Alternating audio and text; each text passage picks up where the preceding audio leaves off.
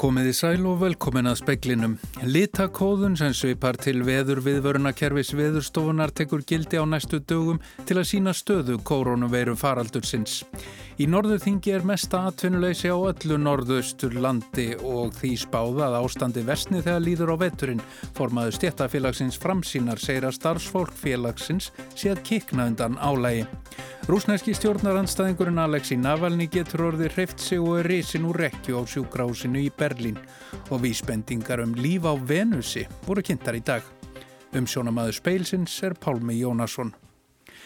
Taka á upp litakóða í upplýsingagjöf sem gefur stöðu koronaveiru faraldursins til kynna hverju sinni á þekkan því sem þekkist í veður viðvörunum veðurstofu stemtir að því að kynna ná fymtudaginn. Þetta kom fram á upplýsingafundi almannavarna og embættis landlagnis í dag. Þar saði Víður Einarsson yfirlauruglu þjótt að þessi litakóði gæti átt við um einstaka landsluta eftir því hver staða faraldursins væri og að hann er því samrami við það sem almenningur þekkir varðandi veður, gular, appelsinugular og rauðar viðvaranir. En á sama tíma þá höfum við verið að vinna að leiðbynningum sem að snúa því hvernig einstaklingar geta framkvæmt sitt eigið áhættumat í tengslum þá við hverju þeir eru umgangast og síðan mun þetta kerfi líka nýtast fyrirtækjum á stopnunum. Það sem að uppkoma smitt á hvernig menn, menn geta eh, beitt þessum litakóðum í sinni starfsemi. Þetta þannig að það hjálpar okkur örglega öllum til þess að skilgrana betur hvernig okkar hegðun gagvart öðru fólki verður í þessu miða við ástand á hverju sinni. Sagði Víði Reynisson, Anna Lilja Þóristóttir tók saman. Profesor við Kaupmannahafnarháskóla telur að stjórnvöld verði að loka öllum næturklúpum og skemmtistöðum í höfuborginni til að hefta útbreyslu koronaveirunar. Það verður að herða tökina, það verður að gera snúna, segir Allan Randrup Thomsen, veirufræði profesor. Dönum gengur ítla að ráða við aðra bylgu faraldursins. Sjúkrahús innlögnum fjölgar dag frá degi og síðasta sólaringin greindust alls 347 með koronaveiruna sem er svipaður fjöldi og var á degi hverjum í vor. Gripið hefur verið til hertra samkominntakmarkana í Kaupmannöfn, Óðinsvíum og 16 öðrum sveitarfélögum til að bregðast við útbreyðslunni. Allan Randrup Thomsen, profesor í veirufræðin, telur þetta ekki nóg, heldur verði ráðamenn að loka á næturlífið. Í samtali við DR bendir Thomsen á að þrátt fyrir nýja bylgjuveirunar sé skemmtanarlífið í höfuborginni enn nokkuð fjörugt. Hraða útbreyðslu smita megi að einhverju leiti rekja til næturlífsins og því væri réttast að loka öllum börum og skemmtistöðum. Leifa mætti veitikahúsum að vera með sitjandi borðhald en miða fjöldasamkomuð við 20 eða 25. Týre Krause hjá Sótvarnastofnun Danmörkur saði fyrir í dag að þau hefðu miklar áhugjur af næturlífinu. Skoða þyrti vel hvaða áhrif það hefði á útbreyslu veirunar en það kemi fólk þar saman úr öllum áttum. Í stórmörkuðum gæti fólk passa sig en þegar það fær út að skemta sér væri það saman í hóp sem hitti síðan annan hóp. Þá væri áfengi ofta haft um hönd og þegar svo væri glemdi það sínum einstaklingsbundnum síkingavörnum. Freyr Gíagunnarsson sagði frá. Í norður þingi er um þessar myndir mesta atvinnuleysi á öllu norðausturlandi og því spáða ástandi vestni þegar líður á veturinn. Þar munar mest um uppsagnir hjá PCC en mikið atvinnuleysi er einni í ferðaþjónustunni. Formaður stéttafélagsins framsýnar segir að starfsfólk félagsins sé að kikna undan álægi. Félagi sé í raun að sinna störfum vinnumálastofnunar með því að miðla fólki í vinnu. Það sé ekki hlutverk stéttafélagsins. Ef við erum að horfa hér á Norðu Þing þá erum við að tala með um kringum 140 manns án atvinn í dag. Hvað sjáðu fyrir ykkur að, að þetta verði margir atvinnins í hér í vettur? Ég sko, sé fyrir mig að það geti verið svona í kringum svona 160-170 manns sem verða án atvinnu hér. Er álæðið hjá ykkur mikið? Er fólk að leita til ykkar? Hvernig er áreiti hjá ykkur? Áreiti er náttúrulega gríðarlega mikið og, og þess vegna höfum við vakið aðtíkla því að við teljum að vinnumálastofnun sé að bregðast vegna þess að vinnumálastofnun á að vera hér með mínum að til okkar, virt vinnu, eftild og, og hérna, vinnumiðlun og svona almenna þjónustu við þá sem eru atvinnuleitendur en það hefur gössanlega skort á það og það má eiginlega segja það að við séum bara kikna hér, hér okkar skrifstof undan álægi það er að segja kringu það sinna öllum þessu fjölda sem hefur mist vinnuna eða leta uppsýnga. Er eitthvað hægt að leysa úr málum þessar fólks? Já, það, er, það er hægt, það er nefnilega þannig að það er, það er hægt að gera það hluta til því að við fórum sjálf á stað með vinnumilun og vorum að reyna að miðla fólki í vinnu og það hefur tekist að miðla ákveðnum hópi í vinnu en þetta er ekki í sjálf og sér okkar hlutverk, þetta er hlutverk vinnumálastofnunar.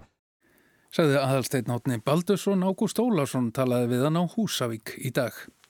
Rúsneski stjórnarandstæðingurinn Alexi Navalny getur orðið hreift sig og er reysin úr rekju á sjúkrahúsinu í Berlín. Eitrað var fyrir Navalny með taugaeitrinu Novichok og hann vektist ítla í flugi til Moskvu frá Sýberju.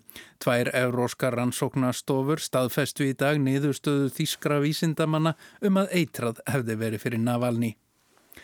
Fyrirhugð friðleysing svæðis við Álsnes og Þerneijarsund mun ekki skerða vegastæði sundabrautar. Þetta segir forstöðum að minnjastofnunar sem segir að varveisla minnja og lagning brautarinnar geti vel farið saman. Dagur B. Eggertsson borgastjóri saði fréttum útvarps í gær að minnjastofnun áformaði friðlýsingu á fyrirhuguðu vegstæði sundabrautar og að það geti haft veruleg áhrif á framkvæmdina. Þessu hafnar Kristín Huld Siguradóttir, forstöðumadur minnjastofnunar. Það góð fram í fréttur ríkisútvarsins í gæð í viðtali við borgarstjóra að þrýðlýsingsvæðisins Álsnes og, og Þerniðarsvönd myndi skerða vegstæði sundabrita. Það er bara einfallega ekki rétt. Það þarf alls ekki að gera.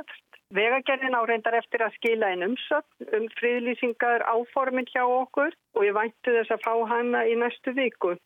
Kristinn segir að á umrættu svæði séu meðal annars minjar kauphafnar í Þerneijarsundi frá 14. öld sem sé talin forveri Reykjavíkur kaupstaðar. Og það eru reyndar eldri minjar líka á svæðinu. Á Álsnesi eru leifa eftir höfnina, minjar eftir fiskbyrgi, það eru mógrafir og leifar tvekja bæjarstæða. Og þetta er sögursvið kjálnesingasögu og höfnin er nefnt í ymsum miðaldaheimildum. Kristinn segir að minjarnar séu sjálfkrafa aldursfríðaðar eins og aðra minjar sem eru 100 ára og eldri. Þannig að friðlýsingin sé í raun formsatriði. Það má einfallega ekki veita heimil til neins konar framkvæmda á svæðinu án þess að ákverðu minjastofnunar Íslands varðandi minjarnar líki fyrir. Saði Kristín Huld, Sigurðardóttir Anna Lilja Þórisdóttir talaði við hana. Kristilegir demokrater í Þýskalandi, flokkur kanslarans Angelu Merkel, ætlaði að velja sér nýjan leittóga á flokkstingi í desember. Anna-Greit Kramp-Karrenbauer sem tók við að Merkel í lok árs 2018 gefur ekki kostað sér áfram. Upphaflega stóð til að velja nýjan leittóga í april en þeim áformum var frestað vegna koronaveiru faraldusins. Þjóðverjar gangað kjörborðinu á næsta ári. Í kjölfar síðustu kostninga fyrir þremur árum ákvað Angela Merkel að draga sig í hlið að kjörtímabilinu loknu en það hafði stjórnarmyndun gengið illa, ekki síst vegna gaggrinni sýstursflokks kristilegra demokrata í Bæjaralandi á flótamannastefnu kanslarans. Þrýr flokksmenn voru nefndir í aðdraðanda fyrirhugaðs formannskjörs í vor en þeir hafa allir mist flugið eftir að kórunuveiru faraldurinn hófst. Armin Laschet, Fossætisráð þeirra Norður Rínar og Vestfælju var talin líklegastur til þess að taka við taumunum í floknum en hann hefur hlotið harkalega gaggrinni fyrir farsóttar ráðstafinir heimafyrir. Birgir Þór Harðarsson sæði frá. Alþjóðlegur hópur stjörnufræðinga tilkynnti í dag um uppgötun á sjálfgefri samend að nafni Fósfín í skýjum reykistjörnunar Venusar. Ef hún kemur frá örverum er þetta einn stærsta uppgötun sögunar, segir rittstjóri stjörnufræði vefsins. Hér á jörðinni verður þessi gastegund, fosfín, aðeins til í efnaðinnaði eða hún kemur frá örverum sem þrýfast í súrefnisnöðu umhverfi.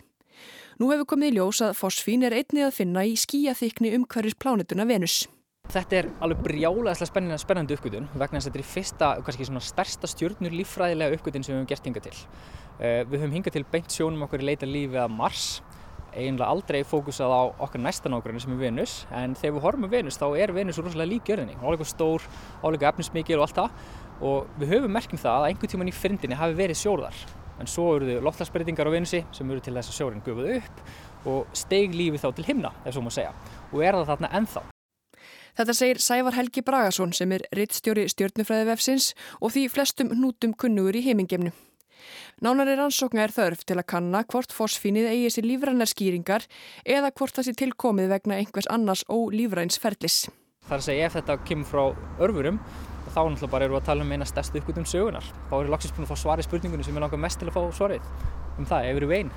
Og svarið er nei, þá bara get ég dái gladur. Þetta var Sævar Helgi Bragarsson Birta Björnsdóttir talaði við hann.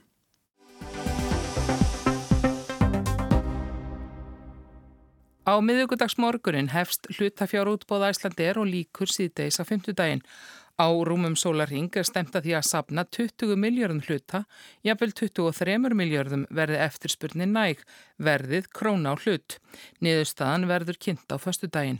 Á þingstupnum svo nefnda í berju mánadar var samþygt um 16 miljardar krónar ríkis ábyrð gagvart Æslandir vegna koronaviru faraldursins. Útbóðinu hefur verið frestað nokkrum sinnum. Það segir Ásker Brynjar Torfarsson, sérfræðingur í fjármálum, vel skiljanlegt í ljó ljósi aðstæðna. Hann tekur undir það að 20 miljardar krónu útbóð sé stórgjörningur á íslenskum fjármálamarkaði.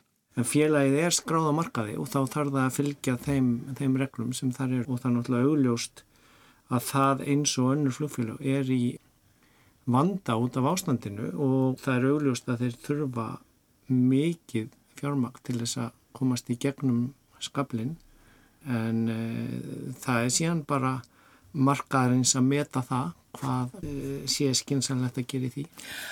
Á, á þessum tímum þá lítur náttúrulega samt alltaf að vera þannig að fjárfesting í flugfélagi er áhættu fjárfesting. Þetta er ekki bara áhættu fjárfesting, þetta er sko það sem heitir á einsku distressed investment, þar að segja að þetta er fjárfesting í nánast í félagi rekstrar vanda og um það gilda eiginlega allt önnur lögmál en svona hefbundið eh, þegar fjárfestir í félagum skráðum á markaði þegar að markaðurinn er í eðlilegu ástandi sem er svona kannski viðmiði sem lög og reglur um lífeyrisjóði miða við og, og fjármálamarkaði. En núna erum við bara í mjög miklu óvissu ástand í heiminum eh, öllum. Fjármálamarkaðir í mikilli eh, miklum óstöðuleika og síðan flugiðnaðurinn sérstaklega út af veirunni í bara mjög mikil óvissu um framtíðar trónina þannig að þetta allt spila saman og svo þar að auki kannski einhvers konar uh, sögulegur vandi sem var til staðar í, í allavega sumum flugfélagum. Áskiprinja segir að bæði bankarhunni fyrir 12 árum og faraldurinn nú hafi dreyiða fram að ofur trú á frjálsan markað sem einu laustmála hafi fengið tölvött bakslag. Æslandir sé kervislega mikilvægt félag, stór flugfélag um allan heim, fáinn og mörg hver mikinn ofinberðan stöðning. Þau voru sem hver í einhverju eigu hins ofinberða en þá og upp í mjög mikla eigu, eins og finnar í meirinn helmennings eigu uh, ríkisins. Þannig að, að þetta, hvort sem það er uh, uh, sögulega eða núna í viðbrað, að þá, þá er aðkoma hins ofinberða að flugrekstri vegna þess að það er í raun og veru bara grunn innviður að hafa flugvöld og starfandi flugfélag frá þeim flugfélagi, frá, frá þeim flugvelli, bara svona eins og grunntenging landsins við, við útlönd, eh, eins og eh, hafnir, eins og eh, nettenging og, og það er þess vegna sem að ofinbér aðkoma hefur verið komin upp á borði núna sem hefur kannski ekki verið talin eðlileg fyrir stöttu síðan. Þegar það er ekki langt síðan að það voru sko, reglubundna samgöngur hér og týjir flugfélag sem allt í enu voru farin að fljúa til Íslands. Já og núna erum við kannski að horfa fram á uh, sérstaklega við sem eigi át í hafi að, að, að þetta er orðið hluti af, af svona bara uh, já, bæði kervislega mikilvæg grunninviður og jafnvel einhvers konar þjóðar eru ekki smála einhvern tímapunkti ef það, er, ef það er, fer nú illa fyrir öllum flughinnaðinum í heiminum og veiran verður til meiri vandraða en, en, en, en nú þegar er orðið og þá er mjög erfitt að sjá fyrir sér hvernig eigi að vera hægt að halda svona starfandi með að við svona hinn, hinn venjulega markað. Menn veltaði að sjálfsögðu fyrir sér hverju verða kaupendunir. Lífverðisjóðunir sem þegar eru stórir eigandur í Æslandi er oft nefndir. Fyrir helgi saði Þóriðast Þórðardóttir framkvæmdastjóri landsamtaka lífverðisjóða í speklinum að afstafa sjóðana til frekari fjárfestingar væri ekki endilega svo sama hjá öllum þessi fjárfesting verður metin út frá hagsmunum viðkomandi sjós, hvernig þeir metana hvort hún sé örug og, og svo framvegs og það þarf ekki að vera þannig að sjóðinir sé eitthvað samstiga í líkum mati, Nei, þeir, þeir geta hafa... verið með mjög skipta skoðanir og þannig á það að vera. Þeir eru í samkeppni og, og það dreifir áhættu út af fyrir sig. Það sé ekki hjarðhægðun og allir gerir hlutin eins eins og við þekkjum að það getur verið mjög hættulegt Forraðmenn verkefliðsfélag hafa sumirgóldi varhug við frekari fjárfestingum í Æslandir. Í morgumblaðin á lögadag skrifaði Solveigana Jónsdóttir formaður eblingar sem situr í fulltrúaráði lífeyrisjóðsins gildis að hún myndi aldrei unna við það að eftirlaunasjóður erið notaðu til að niðurgreiða taprekstur stórfyrirtækisins Æslandir. Við verðum að gera skýran greinamun á hlutverkum allra í þessum leik. Sko. Solveig Anna er formaður í stjættarfélaginu, eblingu. Það er síðan önnur stjórn yfir lífeyrisjónum gildi og það er stjórnin þar sem að, sem að tekur ákvörðun. Þannig að við skulum ekki blanda um of saman hlutverkunum alveg eins og vegagerðin sér um veginna og, og, og selabankastjóru um, um vextina hver og einn verður að spila sitt hlutverk hér bara réttilega og eðlega og innan þess lagarama sem er til staðar. Hins vegar eru náttúrulega lífeyrissjóðunir við öll, eh, alveg eins og ríkisjóður er líka við öll og, og síðan eigum við þar að ekki bankana saman, þessar tvo sem eru stærstur lánveitendunir. Þannig, þannig að við öll saman komum að þessu frá mismunandi hliðum en það breytir ekki því að það eh, fjármálar á þeirra passar upp á ríkisjóðin og, og stjórnir lí, hvers lífeyrissjóð passa upp á hvert sjóð fyrir sig og, og taka sínar ákvarðanir og það er ekki auðvelt hlutverk að vera í í svona ástand. Verðið sem lagt er upp með er króna á hlut. Það verða einstaklingar til dæmis að skoða mjög vel, kynna sér útbóðskognu vandlega til að mynda sér fjárfestingaskoðun. Málið getur hort öðruvísi við stórum og áhættusaknum fjárfestum, segir Áskir Brynjar. Við sjáum náttúrulega í, í þessu félagi að það er nú þegar búið að fá mjög mikinn stöðning frá ríkinu. Ríki er að kaupa þarna ónótu flugsæti til að halda upp í grunn tengingu Um, mjög stór hluti af stöðningsaðgerðum ríkisins hafa farið til þessa félags þannig að þar sér síðan ríkisendur skoðandum að, að fara yfir hvernig það hefur farið út og ég rekna með hans að gera það ennþá. Þarna e, eru náttúrulega þættir sem að fjárfestar geta litið á og, og það er alveg mögulegt að einhverjir erlendir áhættu sjóðir eh, sjáu tækifæri í því að geta keft uh, ódýrt í, í félagi sem er í vanda að því að það er að fá mikinn stuðning uh, og um, að þeir sjáu síðan möguleika á að selja það á genginu tveir eða þrýr eða fimm til lífyrsjóða eða aðra annara fjárfesta síðar þegar við verðum komin út úr kofunu. Þannig að það er bara þannig sem fjármálamarkaði virka. En hann ítrekkar þetta er áhættu sem fjárfesting nánast svolítið ábyrðalöst eða, eða svolítið glannalegt að ætla, ætla sér að, að, að fara að fá svona hefðbunda venjulega fjárfesta að því máli. En, en hins vegar sko stærri aðilar sem að koma að þessu það, þeir verða náttúrulega að vanda sér mjög vel við fjárfestninguna það þarf að skoða mjög vel það sem liggur þannig á bakvið. Það er ekkit víst eins og Gilvi Magnússon saði á máltinginu síðustu viku það er ekki vist að, að, að svo áhætta sem þessu fylgir sé áhætta sem að, að lífriðsjónu geta tekið. Það hins vegar er líka alveg mögulegt að þetta sé e, svona samfélagslega góð fjárfesting fyrir lífriðsjóðu til þess að taka þátt frá genginu einum í að byggja upp tengingu landsins við útland og, og, og ekki að láta einhverja sjóði út í heimi taka það og selja sér það síðan setna. Þannig að það er bara óvissan í málunum sem er mjög erfitt að sjá í gegnum sagði Áskir Brynjar Torfarsson, Anna Kristín Jónsdóttir talaði við hann.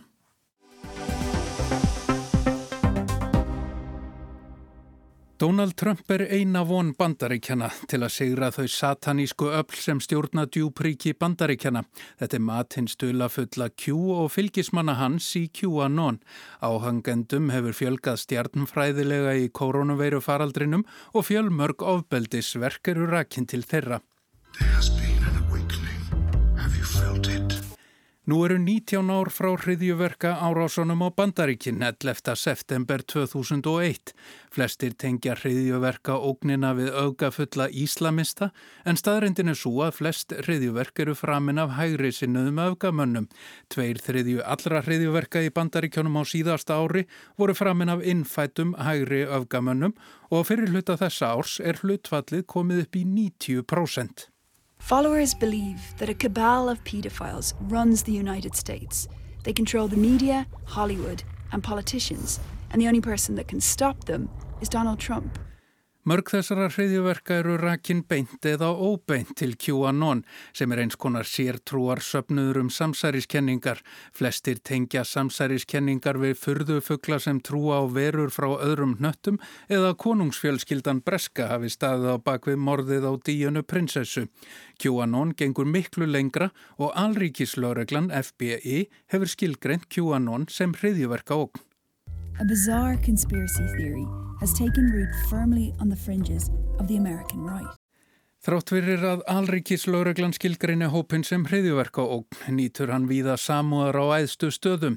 Donald Trump bandaríkja fórseti hefur til að mynda fagnað stuðningi hans og ítrekkað deilt Twitter skilabóðum hans. Í Financial Times segir að hættan liggi í því hvað gerist ef Trump tapar í fórsetakostningunum í november eins og skoðanakannanir benda til. Fyrir þennan sérkennilega söpnuð væri það eins og heiðingjart herrtækju landið helga.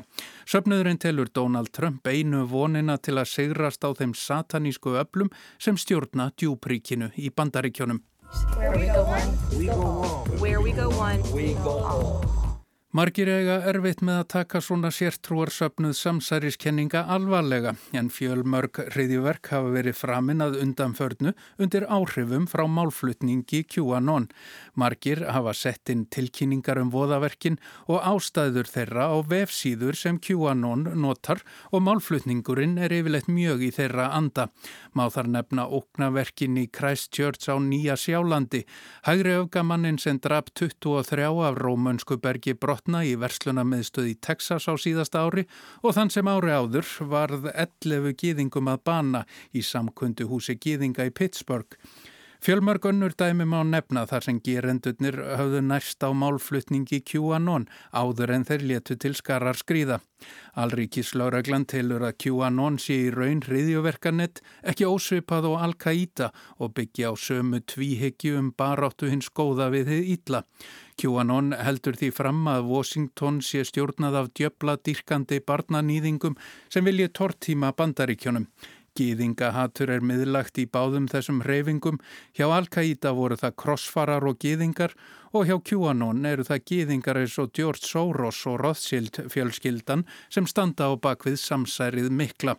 Íslamskir hriðverkahópar nýttu sér internetið í árdaga þess og QAnon hefur gengið þar enn lengra. Áróðunum er drift á samfélagsmiðlum eins og Facebook, Twitter og YouTube. Það var fyrst í júni á þessu ári sem Facebook byrjaði að fjarlæga efni frá QAnon þremur árum eftir að dreifingin hófst. The pandemic wasn't real and the race war isn't real. Þeir sem verða stafrænir Herman QAnon sverja fyrst eigðin Where we go one, we go all sem lauslega mætti þýða sem einn fyrir alla og allir fyrir einn. Meðal þeirra má nefna Michael Flynn, fyrirverandi þjóðar öryggisráðgjafa Donald Trumps og þingframbjöðandan Marjorie Taylor Greene sem Trump hefur sagt að sé framtíðar stjarnar republikana flokksins. Hún hefur sagt um Trump að hann sé hið réttláta sverð gegn ílskunni. Margir óttast að þessi hópur fari hamförum ef Trump tapar fórsetakostningunum í haust en það væri það skilgreining á heimsendi. Fyrsta hriðjuverkið sem var tengt beint við QAnon var framið skömmu eftir að Trump var kjörinn fórseti. Maðuranafni Edgar Wells brauð sér leiðin á pizzastað í Washington og opnaður hálsjálfvirkum rifli.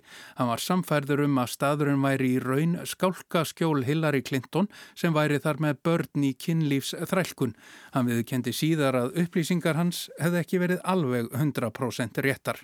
It's life. We're here to take the country back. We're not, we're not playing around. If Joe Biden wins, I'm scared for America because I believe that QAnon will have something to say about it. And we are large, we are strong, and where we go one, we go all.